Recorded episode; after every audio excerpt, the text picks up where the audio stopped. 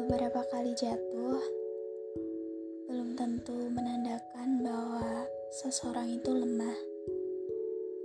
Barangkali karena Tuhan ingin seseorang itu semakin kuat, semakin mengerti bahwa keberhasilan tidak selalu didapatkan dari satu kali percobaan saja.